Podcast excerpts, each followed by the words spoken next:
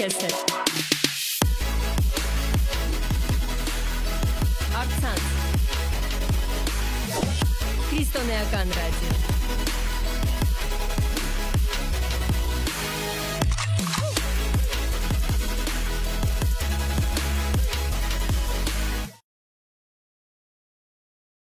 Աստծո ժողովուրդ, նորից մենք Vol ռադիոյի եթերում ենք։ Գիտեք, մի քանի օր առաջ մենք խոսում էինք մի բանի մասին, որը կոչվում է վախ եւ թեման, որի մասին մենք խոսում ենք, դա սա է՝ մի վախեցիր կամ ես այսպես էի վերնագրել չվախենաս։ Իսկ այսօր ուզում եմ խոսեմ Աստծո խոսքից նոր շարունակեմ սրա մասին եւ վերջում մենք իրար հետ միասին հրճակենք եւ ասենք չենք վախենալու։ Գիտես, Աստվածաշնչում շատ է խոսվում սրա մասին։ Աստծո խոսքի մեջ կան թեմաներ, կան հարցեր, որոնց մասին այդքան դու չես հանդիպում եւ Աստծո խոսքը թեթև մեկ տեղ, երկու տեղ ես գտնում կամ ինչ որ մի Աստվածաշնչյան գրքի մեջ լսում ես, որ դրա մասին Աստծո խոսքը խոսում է, բայց հավատքի մասին, վախի մասին Աստվածաշունչը շատ բան ունի ասելու։ Ես վերսեցի համաբարբարը եւ այսպես սանսկացրեցի ու հանեցի բոլոր այն տեղերը եւ այնքան զարմանալի շատ էր, որտեղ հանդիպում էիր։ Մի վախեցիր, չվախենաս։ Եվ ես ուզում եմ խոսեմ դրանցից մի քանիսի մասին։ Եվ գիտեք, Մովսեսից հետո Հեսուն առաջնորդում է Աստծո ժողովուրդը։ Աստծո ժողովրդին նա պետք է տաներ խոստացված երկինք։ Այն ամենը, ինչ որ Աստված խոսել էր Աստծո ժողովրդի կյանքի մեջ, այն ամեն կամքն ու ծրագրերը, որ Աստված ուներ, Հեսուին ընտրել էր Աստված որպեսզի նա առաջնորդի Աստծո ժողովուրդը մտցնի այդ խոստումքների մեջ։ Եվ գիտես, հենց Հեսուի Գրքի առաջի գլխի 9-րդ խոսքում մենք տեսնում ենք, որ Աստված գալիս է եւ նրան պատվիրում է, ոչ թե առաջարկում է, եւ գալիս ու ասում է. Ես քեզ պատվիրում եմ, զորացիր, քաջ եղիր եւ չվախենաս, չզարհուրես։ Եվ անհետև շարունակում է, որովհետեւ ես քո Տեր Աստվածը քեզ հետ եմ ամեն տեղ ուր որ գնաս։ Գիտես, մենք խոսում էինք մի քանի օր առաջ, որ չվախենալու համար պետք է պատճառ լինի, որովհետև թե հավատքը, թե վախը իրենք ունեն պատճառներ։ Եվ այստեղ խոսում է եւս մեկ անգամ հաստատելով, որ մեր չվախենալու պատճառը այն է, որ իմ ու քո Տեր Աստվածը մեզ հետ է։ Ամեն տեղ, ամեն տեղ, ամեն ժամանակ Տերը մեզ հետ է։ Գիտեք, դրա մասին մենք հանդիպում ենք մի հետաքրքիր պատմություն է, որը որ երևի բոլորդ կարդացել եք, դա մենք տեսնում ենք 4 թակավորացում, 4 թակավորած 6-րդ գլխում այդտեղ պատմությունը ես իմ բարերով կպատմեմ Աստծո ծառայի Եղիսեի եւ նրա ծառայի մասին է։ Եղիսեն Մարգարե լինելով նա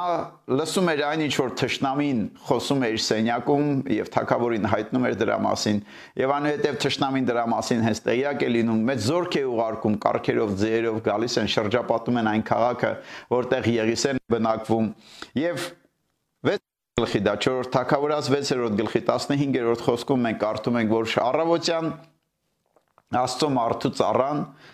վեր է կենում եւ դուրս է գալիս եւ տեսնում է որ զորքը պատել է քաղաքը ձիերը կարքերը եւ ծառան այս ամենը տեսնելով վախենում է եւ ասում է վայ Տեր, ինչ ենք անելու։ Եվ եթե դու այսօր մարգարեական եմ ուզում ասեմ, նմանատիպ իրավիճակի մեջ ես, կանգնած ես մի այնպիսի խառաշփոթի մեջ ես, նայում ես քո վաղվա օրվան, նայում ես այսօրվա իրավիճակին, եւ դու վախեցած ու ասում ես ինչ ենք անելու։ Ինչ ենք անելու։ Ահա այսօրվա խոսքը ուղված է քեզ, տես Աստծո ծառան, երբ որ տեսնում է որ այդպես է խոսում իր օկնականը, եւ ես էլ քեզ եմ ուզում նույն բանը ասեմ, Նա նրան ասում է. «Մի վախեցիր»։ Ես էլ քեզ եմ այսօր այդ նույն խոսքը ասում։ Մի վախեցիր։ Գիտես ինչու, որովհետև մեզ այդ եղողները շատ են, նա ասում է իր ծառային, քան քան թե նրանք, ովքեր թշնամու հետ են։ Իմ ու քո հետ մեր ամենակարող Տեր Աստվածն է որպեսզի օգնի։ Ես ու դու անտեր չենք։ Աստծո խոսքը ասում է, որ մի ժամանակ ես ու դու Աստված չունեինք։ Ես ու դու մարդիկ էինք, որոնք որ վարվում էին օթի իշխանի ցանկությամբ Աստված մեզ իր մեծ ողորմության ու սիրո շնորհի որ սիրեց իր ուղարկեց միշ միածին որդին, որը խաչվեց մահացավ ինձ ու քեզ համար եւ մեզ խավար իշխանությունից փոխեց իր որդու արքայության մեջ։ Ես ու դու Աստծուն հայժ ունենք իմ ու քո հայրն է նա Եվ նա կանգնած է ամեն մի ծնող իր զավակի մեջքին կանգնած է։ Ամեն մի ծնող փորձում է իր ձեռքի եկածը անի, որպեսզի իր զավակի համար լավ լինի։ Եվ ես քեզ կասեմ, երբ որ ես ու դու վախին տեղ չենք տալիս, հավատքն է, հնարավորություն տալիս, որ Աստված մեր կյանքի մեջ իրական լինի։ Դավիթ թագավորը սրա մասին գիտեր։ Գիտես, իր կյանքը ապրելուց հետո վերջում երբ որ նա սկսում է տալ հանձնարարությունները եւ փոխանցում է թակավորությունը իր որդի Սողոմոնին, հետաքրիր պատվիրան է տալիս նա։ Առաջի մնացորդացում մենք կարդում ենք դա 28-րդ գլխում է առաջի մնացորդած 28-րդ գլխի 20-րդ խոսքում, որ Դավիթը իր որդի Սողոմոնին իր կյանքի վերջում հետեւյալ խոսքերն է ասում եւ ես 20-րդ խոսքից կկարդամ։ Նա պատվիրում է եւ նույն բառերն է ասում ինչ որ Աստված ասում է Հեսուին, ինչ որ Եղիսեն ասում է իր ծառային եւ այստեղ Դավիթ թագավորը խոսում է ապագա ամենամեծ թագավորներից մեկին, որը որ Սողոմոնն էր, այս երկրի վրա, որը բարձրացնում է Իսրայելի թագավորությունը, հետեւյալ բառերն է ասում. զորացիչ, քաջասիրտ եղիր ու կատարիչ, մի վախենա եւ մի զարհուրիր, որովհետեւ իմ Աստված Տեր Աստված քեզ հետ է։ Նա քեզ չի թողնի, նա քեզ չի ձգի, ինչեւ որ դու Տիրոջ տան ծառայության բոլոր գործերը կկատարես։ Այնպես որ Աստված ալֆա օմեգա է, սկիզբն ու վերջն է։ Նա հավատարիմ Աստված է, որ երբեք չթողնի, երբեք չձգի։ Գիտես Աստծո խոսքում հետաքրիր տեղ կա, որ մեկ անգամ ինչ որ բան էր կատարվել Սիոնի կյանքի մեջ Եսային Մարգարյանում այև Սիոն նստած լաց էր լինում։ Եթե դու էլ այսօր ինչ որ կորուս դժբախտություն ես ունեցել, ինչ որ խնդիրների միջով ես անցել, կյանքը այնպիսի դաժան բաներ կարող է մատուցի քեզ, գիտես, չլնես Սիոնի նման։ Եսային ասում է Սիոնը նստած լաց էր լինում եւ ասում էր Աստված թողել է ինձ, Աստված մոռացել է ինձ եւ Աստծո խոսքում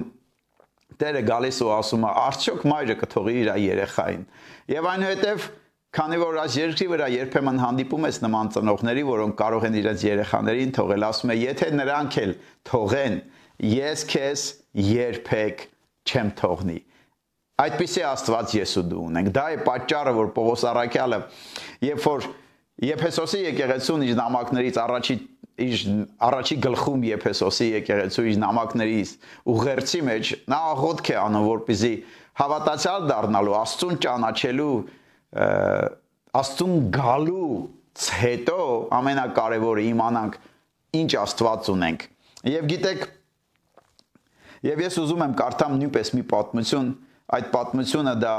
նման է երկրորդ մնացորդած 20-րդ գլխում ես մի քանի օր առաջ դրա մասին խոսում էի, բայց ուզում եմ 15-րդ խոսքը նորից կարդամ երկրորդ մնացորդած 20-րդ գլխի 15-րդ խոսքից, երբ որ թշնամին գալիս է եւ ես ու դու ունենք պատերազմ, մենք պիտի հասկանանք, որ մեր պատերազմը մարդկանց հետ չի։ Ամեն անգամ ես դա հիշում եմ եւ ամեն անգամ ես դա ուզում եմ հիշեցնել ամեն մեկին ովքեր դիտում են։ Մեր պատերազմը ոչ կառավարության հետ է, ոչ եկեղեցին եկեղեցու հետ ոչ ինչ որ մի հավատացյալ մյուսի հետ ինչ անուններ որ դու ուզում ես կրես, ինչ անուն որ դու ուզում ես ունենաս։ Մեր պատերազմը հոգևոր է, թշնամին է, սատանան, հոգևոր ուժերը, դևերը, որոնք որ պատերազմում են։ Եվ դա մենք պիտի իմանանք, եւ դա այլ պատճառը, որ ես ու դու Գիտես, երբ որ մեր կյանքում գալիս են խնդիրներ, մարդիկ երբեմն մեղադրում են իրանց խնդիրների համար Աստված։ Աստծո խոսքը ասում է՝ մի խափվեք, խնդրում եմ, ամեն բարի պարգև կատարյալ турք վերևից է իշնում լույսի հորից գողը սատանան է որը գալիս է գողանում է մարդկանց կյանքից գողանում է առողջություն գողանում է հաջողություն գողանում է ուրախություն գողանում է խաղաղությունը տագնապն է գալիս վախն է գալիս մարդկանց կյանքի մեջ գողանում է ապագայի մասին պատկերը հույսը եւ մարդիկ նայում ես հույսն են կորցնում ապագայի նկատմամբ հավատքն ու հերուն չեն կարողանում նայել եւ ես ուզում եմ խոսեմ որ Նմանատիպ իրավիճակի մեջ էր Իսրայելը երկրորդ մնացորդած 20-րդ գլխում 15-րդ խոսքում եւ հետեւյալ խոսքերն եմ ես ուզում կարդամ ինչ է ասում Աստվածաշունչը։ Այստեղ ասում է. Ականջ դրեք, ով բոլոր Հուդա, Երուսաղեմի բնակիչներ, ով Հովսափատ թակավոր, Աստծո ծառան գալիս է։ Նմանատիպ ան ելանելի իրավիճակի մեջ։ Աստծո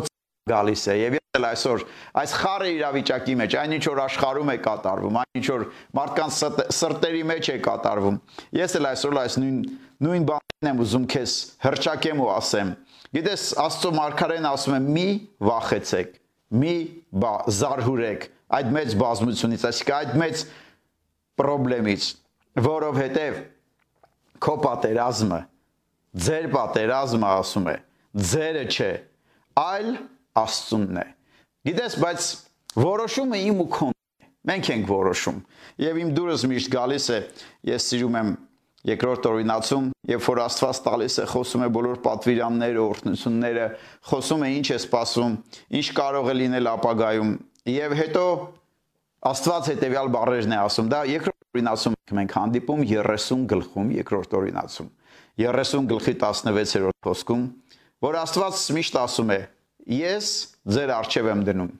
Երբ որ պատվիրաններն ասում է կյանքը, մահը, եւ ես խորհուրդ եմ տալի, որպեսզի դու կյանքը ընտրես, ապրես։ Կյանքն ու մահը քո արժև է, նույն ձևով, որոշումը քո արժև է, որպեսզի դու որոշում կայացնես։ Գիտես, ինչքան էլ որ ես ասեմ, մի վախեցիր, եւ դու եթե չորոշես ուղակի,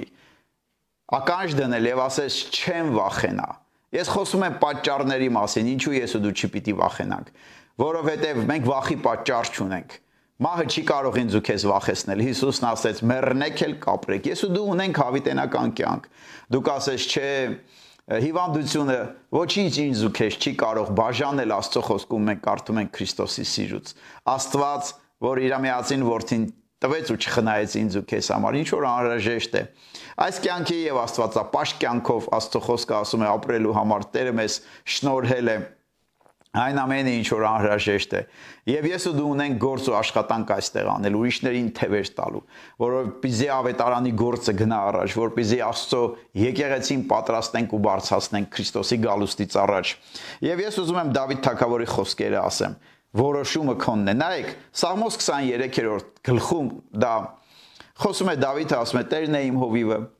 ես կարոտություն չեմ ունենա։ Եվ 4-րդ խոսքն է Սաղմոսում 23-րդում 4-րդ խոսքում նա ասում է թեև գնամ մահվան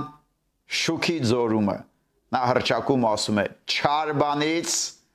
չար բանից չեմ վախենա եւ ես քեզ կոչ եմ անում դու ել ինչ իրավիճակի մեջ լինես հրճակիր ու խոսիր ես գիտեմ ինչ աստված ունես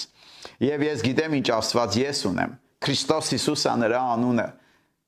նա հավատարիմ Աստվածը, հավատարիմ է իր խոսքին։ Նա խաչվեց ինձ ու քեզ համար։ Նա այսօր բարեխոսում է հոր գահի մոտ։ Նա այսօր մեր հավատքի զորագլուխն ու հեղինակն է։ Նա է տերերի տերն ու արքաների արքան։ Եվ գիտես այստեղ դրա համար Դավիթ թագավորը հետեւյալ բաներն է, բառերն է խոսում եւ ասում նա ասում է գնամ թեկուս մահվան շուքի ձորում չար բանից չեմ վախենա որովհետեւ իմ Աստվածը ինձ հետ է նրա գավազանը, նրա ցուպը ինձ կմխիթարեն։ Եվ գիտես սաղմոսներ կան, 27-րդ սաղմոսն եմ ուզում կարդամ ամբողջությամբ։ Մի հիասքանչ սաղմոս է, որը որ գիտես ես Աստծո խոսքից այս սաղմոսներն ու այս տեղերը կարդում եմ, որպեսզի դու էլ վերցնես քո սրտի մեջ։ Դու էլ հրճակում անես, դու էլ խոսես ոնց որ Դավիթ թագավորներ խոսում։ Գիտես, սա չէր նշանակում, որ նրա կյանքի մեջ դժվարություններ չէին լինում, եթե կարդում ես նրա կյանքը, տեսնում ես, որ նա շատ տարապանքով, շատ դժվարությունների միջով անցավ։ Ոմանք մենակ նայում են ու ասում են Դավիթ թագավոր էր, բայց գիտես հեշտ ձևով չէր նրա կյանքը դասավորված։ Բայց նա հետեւյալ սաղմոսն է գրում 27-րդ Սաղմոսի առաջի եւ երրորդ խոսքերն եմ կարդում։ Սա հենց այդպես էլ կոչվում է Դավիթի Սաղմոս։ Նա ասում է. Տերն է իմ լույսը, Տերն է իմ փրկությունը։ Մենք այս երգն ենք երգում։ Դու էլ, երբ որ վախենում ես, երգիր, երբ որ խավարն է գալիս, երբ որ սիրտը տագնապում է, երգիր այս Սաղմոսը, հրճակիր, եթե երգել չգիտես։ Եվ ասա Տերն է իմ լույսը, Տերն է իմ փրկությունը։ Ես ումից վախենամ, Տերն է իմ կյանքի զորությունը։ Ումից սարսափեմ։ Երրորդ խոսքը, թեև զորաբանակ կել ինձ դեմ բանակ տա, իմ սիրտը չի վախենա։ Թեև պատերազմ էլ վեր կենա ինձ դեմ, ես իմ Աստծուն կհուսամ։ Գիտես, ես մի քանի օր առաջ խոսում եմ Սեդրակ Միսակ Աբեդնագովի մասին, եւ գիտես, նրանք գիտեին ինչ Աստված ունեն։ Եվ նրանք երբ որ թակավորի առաջ կանգնել էին, նրանք նրան ասացին թակավոր մեր Աստված կարող է ազատի բայց նույնիսկ եթե մի բան էլ այնպես չգնա մենք մեր Աստծուն չենք ուրանա գիտես սաղմոսներում շատ տեղեր կա եւ Գիտես, Սաղմոս 46-ն եմ նորից ուզում կարդամ։ Առաջի երկու խոսքերը։ Շատ սաղմոսներ, դրանք երկեր են, որը անհրաժեշտ է երկել, պետք չի հիմար երկել, երկել։ Կարդում ես մարդ հանկարծ տեսնում ես երբեմն լսում ես մարդիկ երկեր են երկում մեռա պրծա, չգիտես, տարբեր տեսակի երկեր, ծերացա վատա ամեն բան լինելու։ Ոչ, ոչ, ոչ, ոչ, Աստծո խոսքը ասում է ծերությանդ մեջ էլ ես էլ քո Տեր Աստվածն եմ, ինչև վերջ թողողը չեմ։ Աստծոն սիրողները Աստծո խոսքը ասում է, որ արթարները կծաղկեն ու կբարձանան։ Կծաղկեն արմավենիի պես, Լիբանանի մայժի պես, վեր կբարձանան, փառքից փառք, զորությունից զորություն։ Եվ Սաղմոս 46-ի առաջի երկու խոսքերն եմ ուզում խոսեմ, եթե կարող ես սա երկով երկել, երկիր, եթե կարող ես խոսել, հրճակել, խոսիր ու հրճակիր։ Նա ինչ է այստեղ ասում։ Աստված մեզ համար ապավեն է։ Աստված զորություն է նեղությունների մեջ։ Նա շատ օգնական գտնվեցավ։ Գիտես, նրա նմանը չկա, նա ամուր ժայռ է իրեն հուսացողների համար։ Դրա համար էլ ասում է Աստծո խոսքում այստեղ Սաղմոս 46-ը չեմ վախենա։ Նայեք, թեև երկիրը անցնի սարերի ծովի մեջ գծվին։ Չեմ վախենա։ Դրա համար քարոզի վերնագիրը այսօր ոչ թե մի վախեցիր, ես քեզ եմ քաջալերում եւ այսօրվա խոսքից հետո ես ուզում եմ որ դու ուղակի նույնպես լսելուց հետո, երբ որ կյանքում իրավիճակների մեջ ես ընկնում, որոշումը քոնն է։ Ասես չեմ վախենալու։ Գիտես, նույն բանը Սաղմոս 118-ն ենք կարդում։ Սաղմոս 118-ի 6-րդ խոսքն է եւ գիտես այստեղ նույնպես ասում է Տերը ինձ հետ է վախի համար պատճառ պիտի լինի հավատքի համար նույնպես չվախենալու համար նույնպես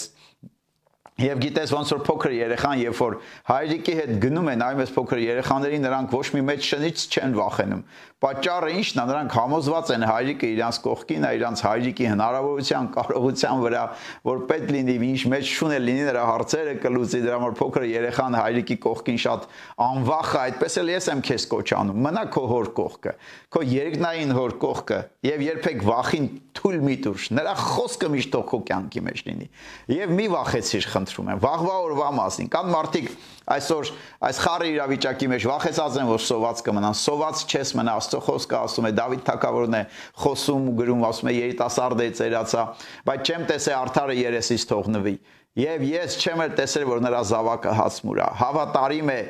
մեր Տեր Աստված։ Եվ 18 118 Սաղմոսի 6 եւ 7-րդ խոսքերն եմ ուզում հրճակեմ քո կյանքի մեջ եւ դու վերցնես ու հրճակես Տերը ինձ հետ է։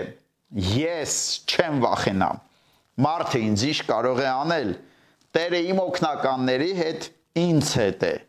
Եվ ես իմ թշնամիների վրա կնայեմ։ Սա Դավիթ թագավորն է ասում։ Դավիթ թագավորը ասում է. Տերը ինձ հետ է։ Ես չեմ վախենա։ Դու կասես, բայց ինչի՞ց ես համոզված, որ Աստված ինձ ու քեզ հետ է։ Այն բանից, որ մենք նրա զավակներն ենք, ամեն ծնող իշ որդու մեջքին կանգնած է։ Նրա այն բանից, որ նա մտավ մեզ հետ ուխտի մեջ, մեզ մտցրեց այդ ուխտի մեջ, որ Իրանը լինենք։ Ես ու դու նրա սեփականությունն ենք։ Աստծո խոսքը ասում է. Ես ու դու նրան ենք պատկանում։ Եվ գիտես, Եսայի մարգարեության մեջ մի այսպեսի նույնպես պատմություն կա, ճշնամին հարցակվում ամ եւ եթե դու էլ այսօր նմանատիպ իրավիճակի մեջ ես, խնդիրները գալիս են եւ մեծ խնդիր էր, ասորին բանակ էր տվել ասորեն եկել էր որպիզի ջարդի փչչացնի ավերի եւ ես այն մարգարեին Աստծո խոսքն է գալիս եւ ասում է գնա Դավիթի տանը հետեւյալ բանն ասա եւ նա գնում ու ասում է եւ ես կկարտամ երկրորդ, երրորդ, չորրորդ խոսքերը եւ որ ասորին բանակ է տալիս Դավիթի տունը սկսում է սիրտը ուղակի դողալ եւ անտարի ծառերի պես քամից ոնց որ ծառերն են դողում այ այդպես սկսում է նրանց սիրտը դողալ եւ Տերը ասում է գնա ասա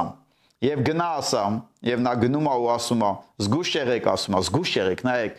զգուշ եղեք, որ դուք հանդարտ լինեք ու չվախենաք։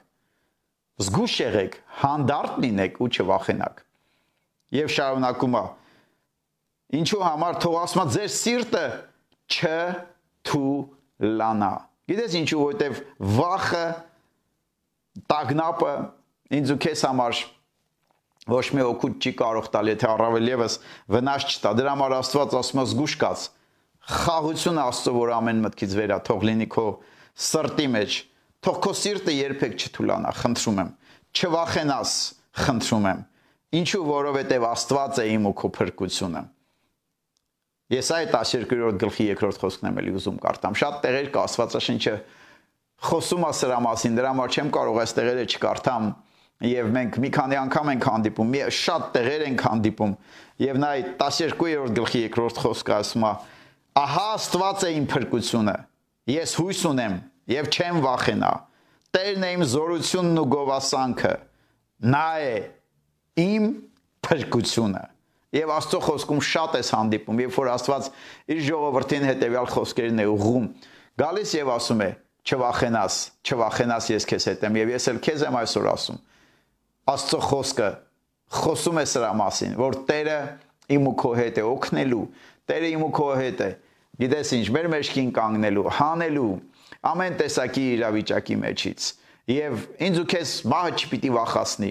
Ես ու դու մեռանք արդեն Քրիստոսի հետ։ Մեր հին կյանքը մահացավ Քրիստոսի հետ։ Քրիստոսն է ապրում մեր մեջ։ Ինձ ու քեզ չպիտի վախացնի որևիցե հիվանդություն, որովհետև Քրիստոսը մեր Տերը իր վրա վերցրեց ամեն ցավ ու ամեն հիվանդություն նրա վերքերով ենք մեր բժշկված անեցքը քանդեց անեցք դառնալով մեզ համար որ ես ու դու Աբ รา համի օրհնությունները մեր կյանքի մեջ իրական լինի եւ ես Եսայ 41-րդ գլխից եմ ուզում կարդամ 8-րդ խոսք Եվ Աստված խոսում է իր ծառաներին։ Հատուկ ուզում եմ ասեմ այս խոսքը այն մարդկանց, ովքեր ծառայում են Աստծուն, ովքեր ինչ որ մի բան անում են Աստծո գործի, Աստծո արքայության մեջ։ Նայ Աստված ասում է. «Իմ ծառա, ես քեզ որ ընտրել եմ, իմ սիրելիս, քեզ առել եմ, քեզ կանչել եմ, դու իմ ծառան ես, ես քեզ չեմ մերժի, չվախենաս, որովհետև քեզ հետ եմ, չվեհերերես, որովհետև ես եմ քո Աստվածը, քեզ կզորացնեմ, քեզ կօգնեմ, քեզ կհաստատեմ իմ արդարության աչով։ Այստեղ իհարկե Իսրայել ժողովրդին է ասում, բայց Աստված նույնն է։ Երեք այսօր Հավիտյան նրա սկզբունքները նույնն է, նա իր ծառաներին հետեւյալ խոսքերն է ասում։ Ես այ 43-ից եմ կարդում, էլի նորից Աստված գալիս է ասում է.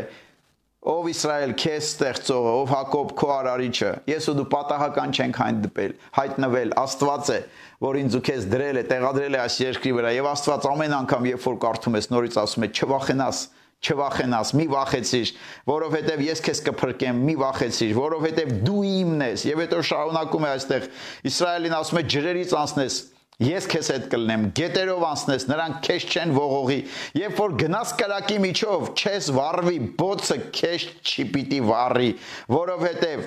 ես քո Տեր Աստվածն եմ, Իսրայելի Սուրբը, քո փրկիչը։ Մենք կարդում ենք շատ տեղեր այստեղ Աստծո խոսքում սրա մասին խոսում է։ Եվ Աստված ամեն անգամ իր ժողովրդին, իր ծառաներին, իր զավակներին հետեւյալ բանն է ասում. մի վախեցեք, թող ձեր սրտերը չզարհուրեն եւ չտագնապեն։ Գիտես ինչու ես ու դու կարող ենք համարցակ ասենք այս ամենը լսելուց հետո չեմ վախենա, ոնց որ Դավիթ թագավորն ասում։ Ես ու դու համարցակ կարող ենք ասել ինչու, որովհետեւ մենք Աստծո հոգին ենք առել Հռոմեացի 8-րդ գլխում ասում 15-րդ խոսքում մենք առել ենք ոչ թե ծառայության հոգին, այլ առել ենք ворթեգրության հոգի։ Ворթեգրության հոգին ենք ես ու դու առել, Աստծո հոգին ենք առել, հավատքի հոգի ենք ես ու դու առել։ Եվ դրա համար էլ ես ու դու պատճառ չունենք վախենալու։ Նայեք, ուզում եմ մի ուրիշ տեղ կարդամ, միջև կաղոթեմ Եփրայեցիս 13-րդ գլխի 5-րդ 6-րդ խոսքը այստեղ խոսում է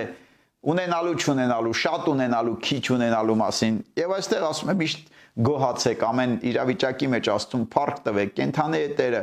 որ հավատարիմ է հասնի ու օգնի։ Եվ այստեղ ասում է ամեն մեկի վարքը թող լինի առանց արծաթասիրության։ Այսօր մարդկանց աս վերջի օրերի հիվանդություններից մեկն է մարդիկ ավելի արծաթասեր են, քան թե աստվածասեր, ավելի ցանկասեր են, քան թե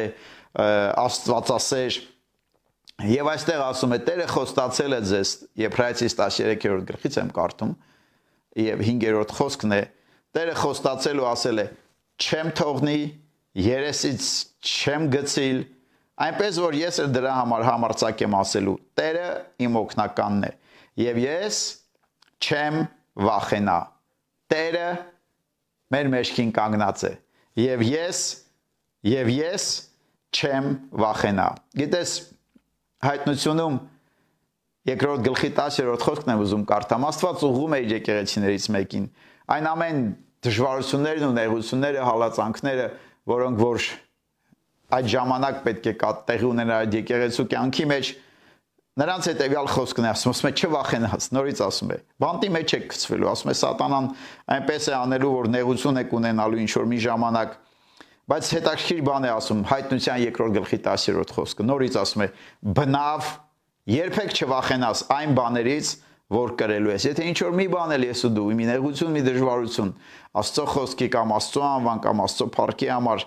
ես ու դու կյանքում լինում ա, որ հավատքի համար կամ մեր սկզբունքների համար կրում ենք, կյանքի պսակն ա, սпасում ինձ ու քեզ։ Եվ ուզում եմ ավարտեմ Սաղմոս 42-րդ գլխից 5-րդ խոսքից, եթե այստեղ Գիտես դու նմանատիպ իրավիճակի մեջ ես, տրտմած ես, դու շփոթված ես, քո անձը խառնված է, նորություններն ես միացնում, լսում ես մահեր, գիտես, մտնում ես ինտերնետ, տեսնում ես տարապանք, Եվ գիտես ընկերների հետ ես հավաքում այսօր շատ ակտուալ թեմա է դարել այն ամենը ինչ որ կատարվում է աշխարհի մեջ եւ անձդ է տրտմում այդ ամենը լսելով։ Ես չեմ խոսում սրտացավության մասին, հասկացիր։ Իմ ու քո սիրտը ցավում է եւ դրա համար էլ մենք ամեն օր աղոթք ունենք, մեր աղոթքներն ենք բարձրացնում։ Ես էլ ամեն օր այս ժամին դուրս եմ գալու խոսքով կիսվելու եմ, ուզում եմ զորացնեմ ձեր սրտերը այն խոսքը, որը որ իմ սրտում օրվա ընթացքում գալիս է, կիսվեմ ձեզ հետ։ Բայց ես ուզում եմ 42-րդ Սաղմոսի 5-րդ խոսքը կարդամ, եթե դու այսօր այդպիսի իրավիճակի մեջ ես։ Նա ինչ է այստեղ ասում. Ինչու ես տրտում, ով իմանց, ինչու ես շփոթված ինձանում։ Եվ գիտես, եթե դու այդպիսի իրավիճակի մեջ ես, կանգնիր ու ինքդ քեզ խոսիր։ Ինքդ քեզ ասա, ինչու ես այսօր այսպիսի վիճակի մեջ։ Ով իմանց, ինչու ես շփոթված, ինչու ես տագնապած, ինչու ես խառնված, Եվ ինքդ քեզ հրաման տու ոնց որ այստեղ Սաղմոս 42-ում ասվում է Աստծուն հուսացիր։ Ինքդ քեզ ասա վստահությունը դիր Աստծո վրա։ Աստծուն հուսացիր, գոհացիր Տիրոջից, որովհետև Աստված է իմ երեսի փրկությունը։ Ես էլ դրա համար քեզ եմ կոչանում, չտրտմես, չշփոթվես, չտագնապես, չխառնվես։ Մի քանի օր առաջ խոսում ենք չվախենաս։ Եվ այսօր այդ հրճակումն էլ արա, ասա չեմ վախենա չեմ շփոթվի, Աստծուն կհուսամ, կգոհանամ իմ Տիրոջից, որովհետև նա է իմ երեսի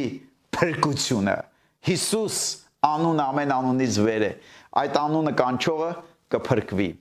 Այդ անվան մեջ է փրկությունը։ Նրա կատարած գործը լիովին իրավունք է տալիս ինձ ու քեզ փրկվելու ազատվելու ամեն բանից ինչ մեր կյանքի մեջ մեզ խանգարում է եւ դրա համար էլ չվախենաս վստահիր Աստծուն եւ թող հավատքը քո սրտի մեջ բարձանա այսօրվա խոսքերը լսելուց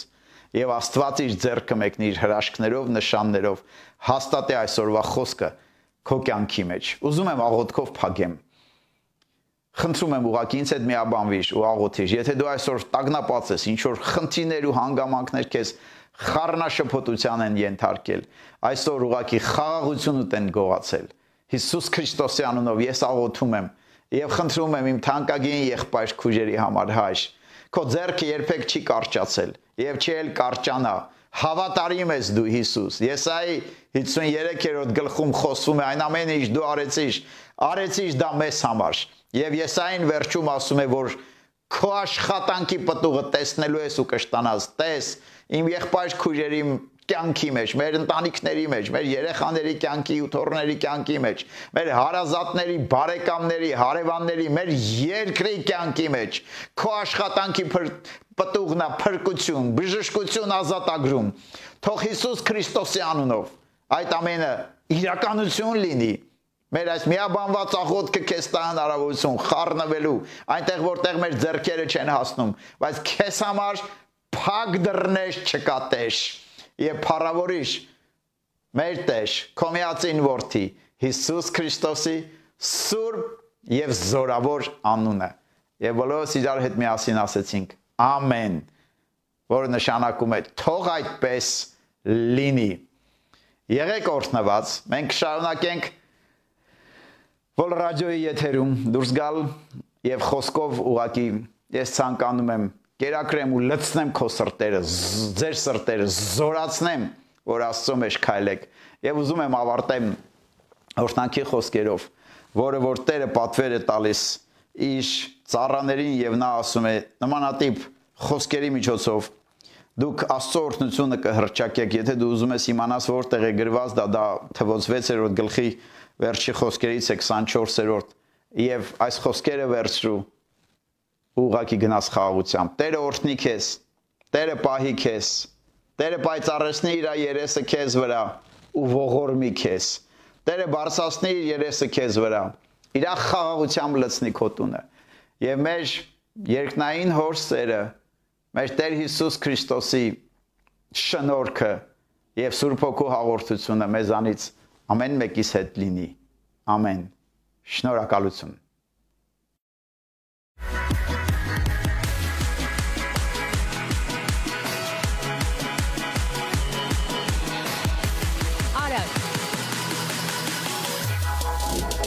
Միշտ քեզ հետ։ Արցանց։ Քրիստոնեական ռադիո։